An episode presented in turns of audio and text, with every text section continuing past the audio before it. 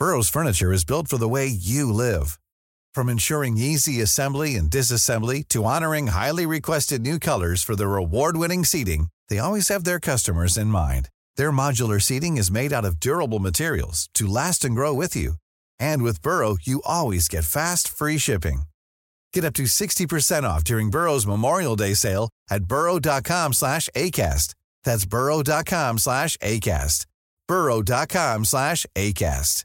Hey, I'm Ryan Reynolds. Recently, I asked Mint Mobile's legal team if big wireless companies are allowed to raise prices due to inflation. They said yes. And then when I asked if raising prices technically violates those onerous two-year contracts, they said, what the f*** are you talking about, you insane Hollywood ass?" So to recap, we're cutting the price of Mint Unlimited from $30 a month to just $15 a month. Give it a try at mintmobile.com slash switch. $45 upfront for three months plus taxes and fees. Promo rate for new customers for limited time. Unlimited more than 40 gigabytes per month. Slows. Full terms at mintmobile.com.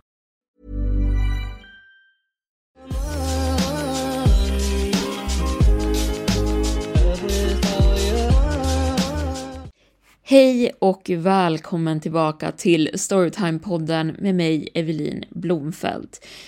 Dagens avsnitt är ju lite försenat, det skulle kommit ut igår, men jag började faktiskt skolan igår så att jag hade lite mycket att göra. Så det blev en dag försenat. Jag måste också be om ursäkt för att ljudet i den här storyn är lite halvkast, så ni får avgöra själv om det går att lyssna på eller inte. Det här beror på att det är en äldre storytime och ljudet är därför lite halvbra, men den innehåller extremt spännande storytime så jag skulle inte skippa det här avsnittet oavsett. Jag lovar att det är värt att uthärda. Förbättring kommer nästa vecka. Nu kör vi igång. Jag växte upp i södra USA. Här finns massor av vackra ställen som inte än har tagits över av byggnader och människor. Det är väldigt fint här, men det är också väldigt tråkigt. Att vara tonåring i staden jag växte upp var oftast att möta upp sina kompisar, improvisera och om man hade tur så blev det någonting av kvällen. Det fanns inget speciellt ställe att hänga på för ungdomar, så som en bar eller klubb. Och de få ställena som faktiskt fanns hade man varit på så många gånger så det var tråkigt vid det här laget. Jag tror alla ni som har växt upp på en mindre ort förstår vad jag pratar om. Men någonting jag fann stort nöje i som yngre var att åka runt och cruisa i min egen bil. Ibland i flera timmar utan någon speciell destination överhuvudtaget. Jag brukade fylla på tanken med ordentligt med bensin, köpa något att dricka och kanske en cigarill eller två. Sen brukade jag bara köra och köra tills solen gick upp igen. Det här var ett sätt för mig att rensa tankarna och bara slappna av. Landsvägarna som fanns var precis rätt mängd läskiga på natten. Men en natt fick jag absolut mer än vad jag var beredd på under min nattliga åktur. Jag minns inte exakt vilken månad det här skedde, men jag minns att det var sommarlov,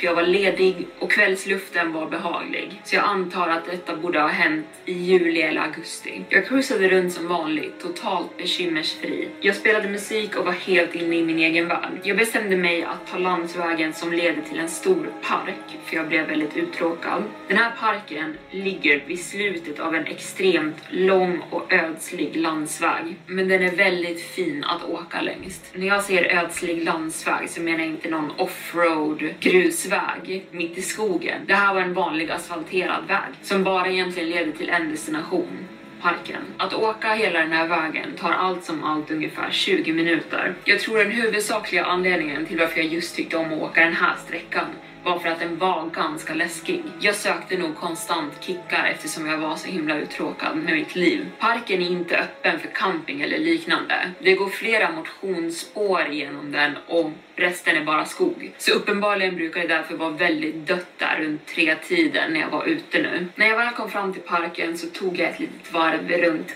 själva parken som jag brukar göra. Men natten före hade det stormat väldigt mycket i det här området. Det hade stormat så pass mycket att jag och mina föräldrar hade varit tvungna att ta skydd på grund av tornadovarningar. Det kom aldrig någon tornado, men det hade stormat riktigt ordentligt. På grund av det här så hade ett stort träd fallit ner rakt över körbanan runt parken. Den blockerade precis utgången som man körde för att komma tillbaka bort från parken. Det fanns inte något sätt för mig att köra över trädet eftersom det var väldigt stort. Och eftersom att det var kolsvart ute så var det inte ett alternativ att börja backa hela den vägen jag just åkt runt parken eftersom att jag kunde inte se någonting bakom min bil. Jag visste att det också var allt för farligt så det var inte ett alternativ just nu. Marken runt om vägen var ändå väldigt platt utan några större diken så jag tänkte att det smartaste här skulle vara om jag bara körde ut i gräset och vände bilen och körde tillbaka samma väg jag kom. Jag började backa ut utanför vägen och allting gick bra tills jag nu skulle börja köra igen. Jag hade inte märkt hur blött och lerigt gräset var efter stormen. Och när jag började köra satt min bil totalt fast.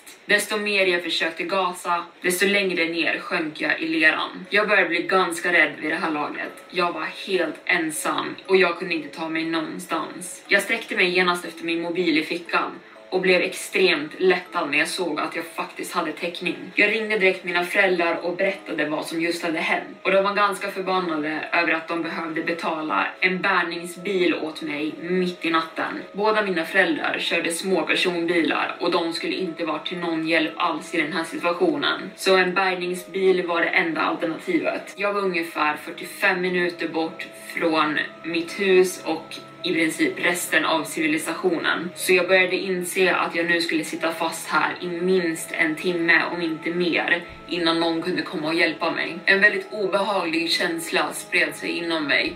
Men jag satt på musiken igen och satt och lekte med min telefon för att passera tiden. Det fanns inte så mycket mer jag kunde göra åt situationen just nu. Efter att jag hade lugnat ner mig från ilskan jag tidigare känt över situationen så började jag för första gången kolla runt mig på omgivningen runt bilen. Jag märkte då att precis framför mina strålkastare på bilen stod en jord av renar.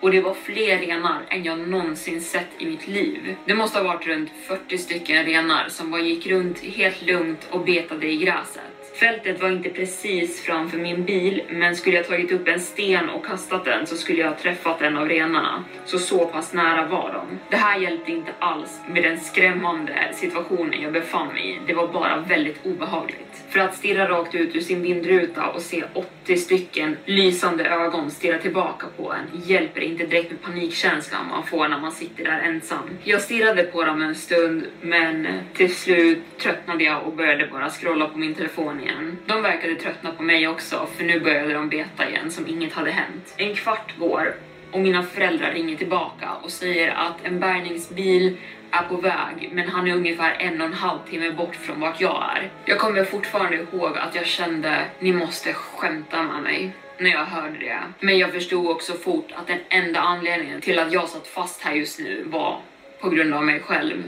Jag hade ingen annan att skylla, så jag gjorde det enda jag kunde göra. Jag såg till att alla mina bildörrar var ordentligt låsta. Sen följde jag ner mitt bilsäte och la mig och vila en stund för att passera tiden. Jag måste ha somnat till en stund, men jag vaknade ungefär 45 minuter senare av känslan att vara totalt iakttagen. Jag sätter mig direkt upp och skannar av min omgivning men jag ser ingenting där ute. Jag känner efter i min ficka och hittar en fickkniv som jag brukar bära med mig och tar upp den direkt. Fastän jag fortfarande inte såg eller hörde någonting utanför min bil så satt jag där stelfrusen av skräck. Det var som ett sjätte sinne som sa att jag var i fara. Framför bilen stod fortfarande renarna kvar på samma ställe. Jag vet inte så mycket om djur, men är det inte ganska ovanligt att de bara står still på ett och samma ställe så länge? Men jag ringde mina föräldrar igen för att se om det fanns någon uppdatering på vart bärgningsbilen var just nu. Jag bestämde mig för att inte nämna att jag känner mig väldigt iakttagen och rädd just nu. De kunde ändå inte hjälpa situationen mer än de gjort. Det skulle bara oroa dem i onödan. De hade inte hört någonting mer från bärgningsbilen bilen så vi alla antog att han fortfarande bara var på väg. Samtalet varade bara i några minuter. Jag känner mig så dum. Båda mina föräldrar skulle upp och jobba om några timmar och här satt jag fast i skogen för att jag hade kört fast. Jag ville inte oroa dem i onödan på det här. Jag försäkrade dem om att jag skulle uppdatera dem när bärgningsbilen hade kommit och att de inte skulle oroa sig. Vi lägger på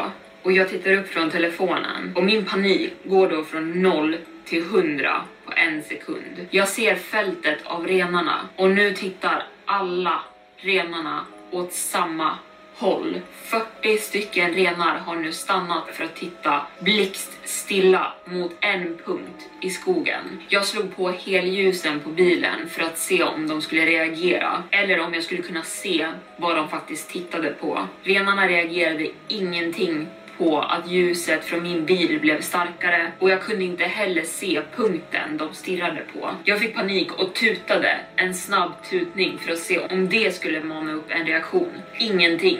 De såg som fastfrusna ut av åsynen de just nu hade fått. Jag kunde verkligen inte se punkten de tittade på, men den låg precis på kanten av skogen. Jag grabbade tag i min dumma fickkniv igen, som att det skulle hjälpa. Och det gick ungefär en minut efter att jag hade tutat på dem. Nu tog varenda ren fart och började springa i motsatt håll från skogen. Det tog 20 sekunder, sen var fältet där de just hade stått helt tomt. Jag satt stelfrusen av rädsla. Jag förstod där och då att sitta kvar i bilen var det absolut smartaste jag kunde göra. Här var jag säkrast. Men känslan var hemsk. Jag kände mig som en sittande måltavla för vad som än var i skogen. Jag var på helspänn och jag satt konstant och tittade mig runt i alla håll runt om bilen. Men jag kunde inte se någonting. Min första tanke var att det kunde ha varit en björn, men det kan ju verkligen vara vad som helst här ute.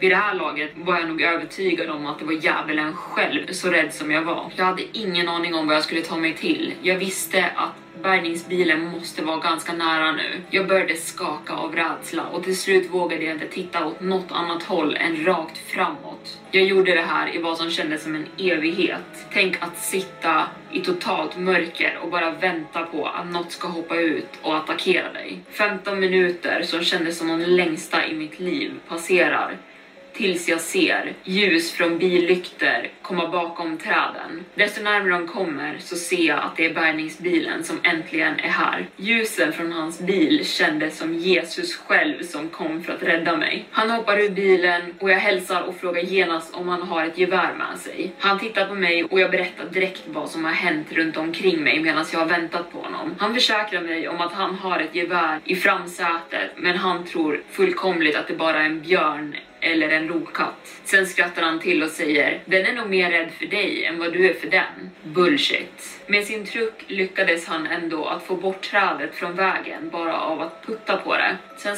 spände han fast min bil med vajrar bak på sin och drog ut den från stället den hade fastnat på. Han agerade väldigt nonchalant över situationen jag just hade befunnit mig i trots att jag var livrädd fortfarande. Under hela tiden han höll på och gjorde sitt jobb stirrade jag bara rakt ut mot punkten som renarna hade stirrat mot. Det tog honom en kvart att bli klar med allting han hade gjort. Och han sa åt mig att följa efter hans bil ut på vägen igen. Jag satt med i min bil och var riktigt redo för att dra från den här platsen nu. Vi började nu köra bort från platsen jag hade suttit fast på, men mitt huvud var fortfarande på helspänn och flög runt i alla möjliga riktningar. När vi hade kört en liten bit från platsen jag hade suttit fast på så kunde jag fortfarande se den i månljuset och från lyktorna av våra bilar. Och när jag satt där och tittade i min backspegel, jag kunde då se en man som klev ut från trädlinjen närmast var min bil hade suttit fast, bara några meter ifrån vart jag nyss hade suttit. Han gick sakta ut mitt i vägen och tittade på oss när vi körde därifrån. Mitt hjärta slutade slå när jag såg det här. Jag tappade andan och mina ögon fylldes med tårar. Jag kan inte beskriva med ord hur rädd jag var i den här stunden. Jag kunde inte urskilja några större detaljer med mannens utseende eller vad han hade på sig. Och för att vara ärlig så brydde jag mig inte riktigt. Jag var helt uppslukad av känslan jag fick av att han hade stått bakom min bil hela tiden. Tittat på mig när jag hade panik och försökte se mig omkring efter potentiella hot och förmodligen tittat på mig medan jag sov. Det var därför jag hade känt mig så bevakad hela tiden och vaknat upp utan förklaring. Hela tiden när vi körde därifrån så stod han bara still och tittade på oss mitt på vägen. Jag fick panik och funderade på om jag bara skulle börja tuta på bärgningsbilen framför mig så att han skulle stanna bilen och konfrontera mannen. Men jag insåg att allt jag ville var, var att bara ta mig därifrån. Så så fort Filen blev tvådelad efter sista parkvägen så tryckte jag gasen i botten och flög förbi bärgningsbilen körde hela vägen hem som en dåre. Till denna dag vill jag inte veta vad som hade hänt om jag hade lämnat min bil och vad den här mannen faktiskt ville mig. Då går vi över till nästa berättelse. Jag var och campade någonstans i Washington. Det var inte en officiell campingplats utan jag tyckte om att hitta mina egna platser där det var lite mer vildvuxet att campa på. Jag tyckte också att det var skönt att campa på ställen där man inte skulle förvänta sig andra människor någonsin. Så med det sagt så tyckte jag om att vara i fred. När jag väl har tagit mig långt ut så sätter jag upp min campingplats på ett väldigt ödsligt ställe för natten och går och lägger mig. Men jag vaknar mitt i natten av att jag hör någonting. Jag öppnar mitt tält och ser att det sitter en man precis där jag har haft min eldstad. Det finns ingenting egentligen konstigt med den här mannen utseendemässigt. Det såg ut som en helt vanlig snubbe som satt några meter borta från mitt tält. Men han hade ingen packning och inget tält med sig själv. När han såg mig öppna tältet så såg han livrädd ut. Hans ögon flög upp som att han hade sett ett spöke och han sprang därifrån. Jag blev väldigt uppskakad av den här händelsen för att det var så märkligt i sig. Men under nästa dags hike lyckades jag ändå skaka av mig händelsen. Jag tänkte att han var säkert hög eller någonting och hade bara råkat hamna väldigt nära mig och inte insett att en annan människa var runt om. Två dagar gick och jag gick ungefär 10-15 mil åt ett håll där ingen någonsin skulle råka gå av misstag. Den kvällen satt jag vid min eld och började höra konstiga ljud från skogen igen. Desto mer jag hörde ljuden, desto mer övertygad blev jag om att det här var inget djur. Det här var en människa. Så jag ropade ut till dem och frågade Hallå, är det någon där? Och jag fick ett svar. Personen frågade om jag visste hur man skulle ta sig till Bells Canyon och jag svarade bara Nej, jag tror inte ens att det är ett riktigt ställe som finns i det här området. De fortsatte prata, men höll sig precis utanför mitt synfält i skogen. Jag försökte då se personen och riktade min ficklampa mot hållet där personen pratade ifrån. Men då skrek den och sa peka den där någon annanstans. Jag blev lite avskrämd och ville inte förarga en potentiellt galen person i skogen. Så jag pekade den bort från honom. Efter ungefär 15 minuter av att den här personen har stått kvar i skogen och ställt helt random frågor så börjar jag bli väldigt rädd. Det lät nu som att personen kom närmare och närmare med varje fråga den ställde. Så jag tog beslutet att än en gång peka ficklampan rakt mot ljudkällan. Och jag får syn på personen och det är samma man som hade suttit utanför mitt tält för två nätter sedan. Det finns inte en chans att den här personen skulle ha råkat hamna på samma ställe som jag, så han måste ha följt efter mig i 15 mil genom skogen. Så fort mitt ljus träffade honom började han igen springa. Jag sprang efter honom ungefär 100 meter men insåg sen att jag vill inte bli vilse mitt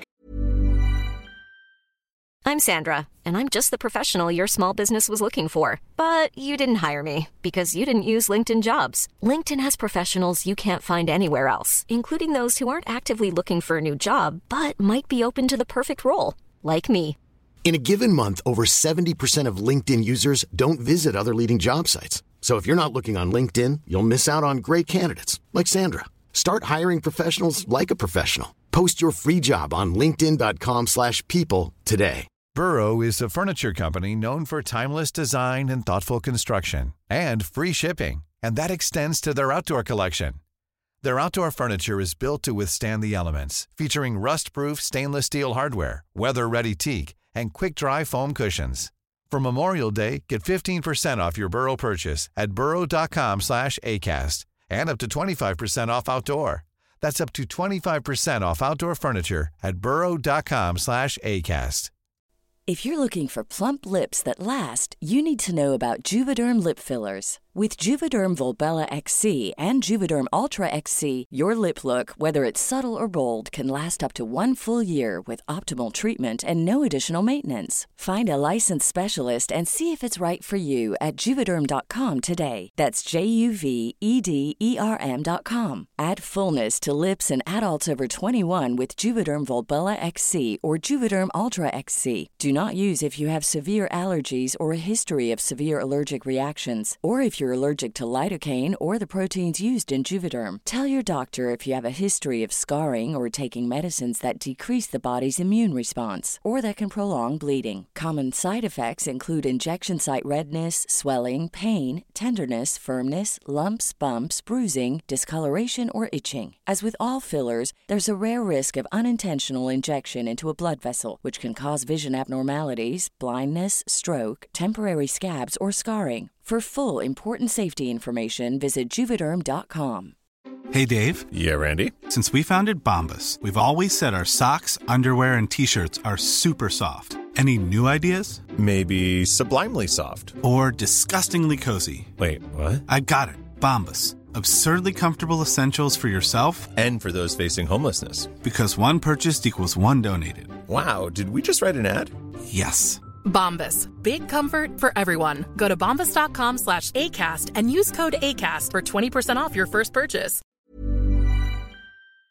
I den här skogen. Jag sov ingenting mer den här natten och bestämde mig fort för att den här campingturen var slut. Morgonen därpå började jag hajka tillbaka den tre dagar långa vägen tillbaka till min bil. Kontinuerligt tittade jag mig bakåt för att se om den här personen fortfarande följde efter mig. Jag stannade också upp ibland för att gömma mig och se om han skulle gå förbi mig av misstag. Jag kan inte riktigt beskriva känslan av att gå genom skogen och känna sig konstant jagad som ett byte som bara väntar på att bli mördad. Den första natten av att hajka tillbaka mot min bil hörde jag hur det lät som att någon cirkulerade tältet. Men varje gång jag fann modet för att titta ut så var det ingen där. Jag hörde flera gånger hur det lät som ett djur gjorde väsen av sig i skogen. Men desto mer jag lyssnade på det lät det mer som en människa som härmade ett djur. Jag bokstavligen började gråta när jag väl tog mig till min bil. Och till denna dag är det den läskigaste saken jag har varit med om i mitt liv. Jag har ingen aning om vad hans intentioner var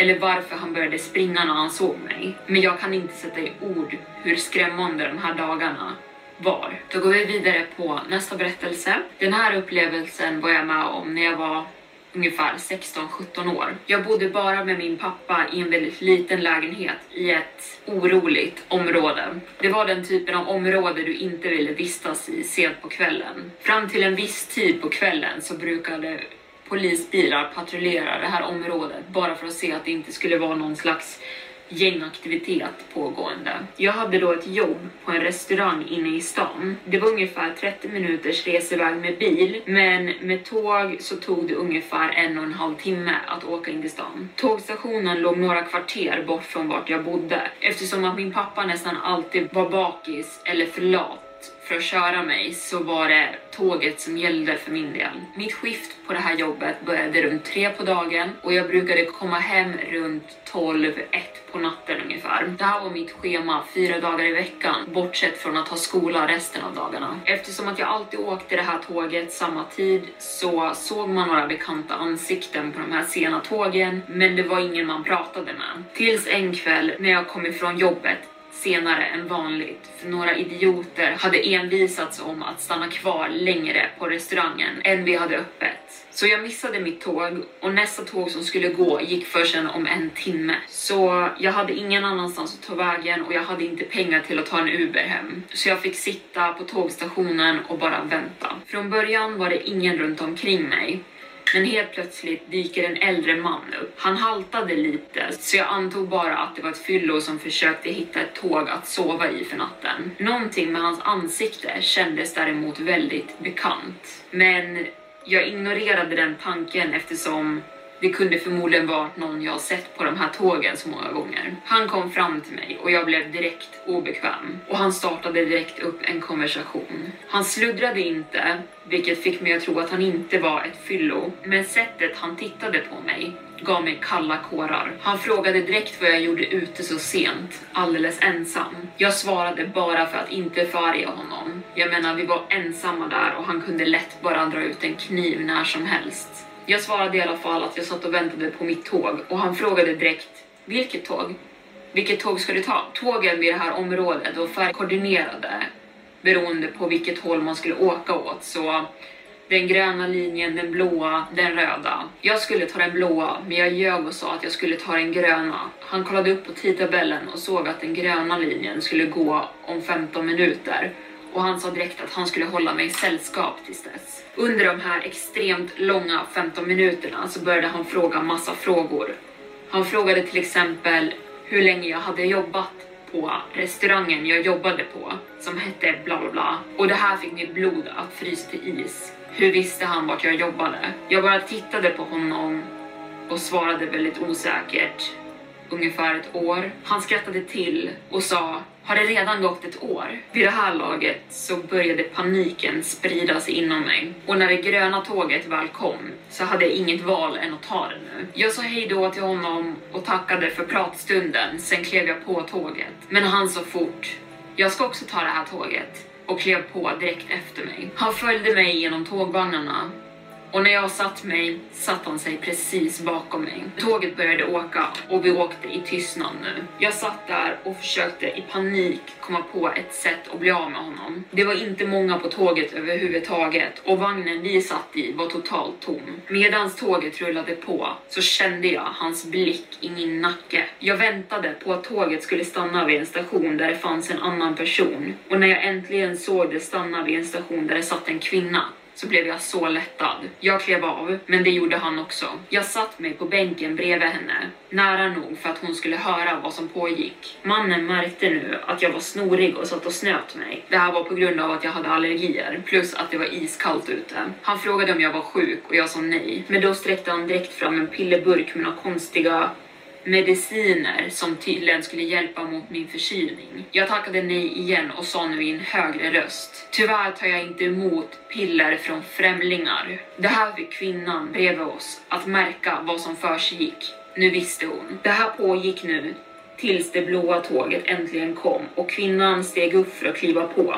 Hon gav mig en menande blick som för att jag skulle följa med henne på tåget. Så såklart gjorde jag det. Mannen följde efter in på tåget, men när han försökte sätta sig bredvid oss så sa kvinnan bestämt Nej, du går och sätter dig någon annanstans. Han satt sig några säten bort från oss, men han satt sig så att han kunde stirra rakt på mig. Jag började nu skaka och var nära på att börja gråta av rädsla. Kvinnan lutade sig mot mig och viskade att hon hade en pistol. Jag kände mig direkt säkrare med henne där. Vi började viska fram och tillbaka om vad som hade hänt och jag berättade för henne att jag var livrädd att han, att han skulle följa efter mig när jag klev av tåget för att gå hem. Hon berättade då att hennes vän snart skulle kliva ombord på tåget och han hette Ray. Och när Ray klev på tåget så blev han informerad av kvinnan om allting som just hade hänt. Och han gick med på att eskortera mig hem från tåget när jag väl klev av. Hon lovade mig att jag kunde lita på Ray. De båda två satt med mig tills vi nådde mitt stopp där jag skulle kliva av. Och när tåget väl stannade så började mannen le brett och stirra på mig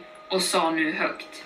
Det här är ditt stopp va? Jag svarade inte utan ställde mig upp och gav kvinnan en stor kram och tackade henne för allt hon har gjort. Ray och jag hoppade snabbt av tåget och jag tittade tillbaka mot tåget och såg att kvinnan nu hade dragit ut sin pistol och riktat den mot mannen. Han hade alltså försökt kliva av tåget men hon hade stoppat honom och sagt åt honom att han inte skulle någonstans medan hon blockerade utgången med ryggen. Jag lät äntligen mig själv gråta ut i lättnad. Och Ray gick med mig och försökte lugna ner mig genom att berätta om sitt jobb och sin familj där hemma. För sen efter han sett mig gå in innanför min ytterdörr så tackade jag honom så mycket och han gick hem. Nästa berättelse heter Främlingen som visste exakt vart jag bodde. Den här händelsen hände mig för ungefär fem år sedan. Jag hade precis avslutat min universitetsutbildning. Jag ville hjälpa till i världen. Jag var ung och jag var naiv. Ivrig till att börja arbeta så tog jag ett av de första jobben jag blev erbjuden. Det var inte nödvändigtvis någonting jag verkligen ville göra, men jag tyckte det var intressant och det tog mig till ett ställe jag aldrig besökt för. Jag älskade allting från början. Mina nya kollegor som alla var lokalinvånare, de var så trevliga.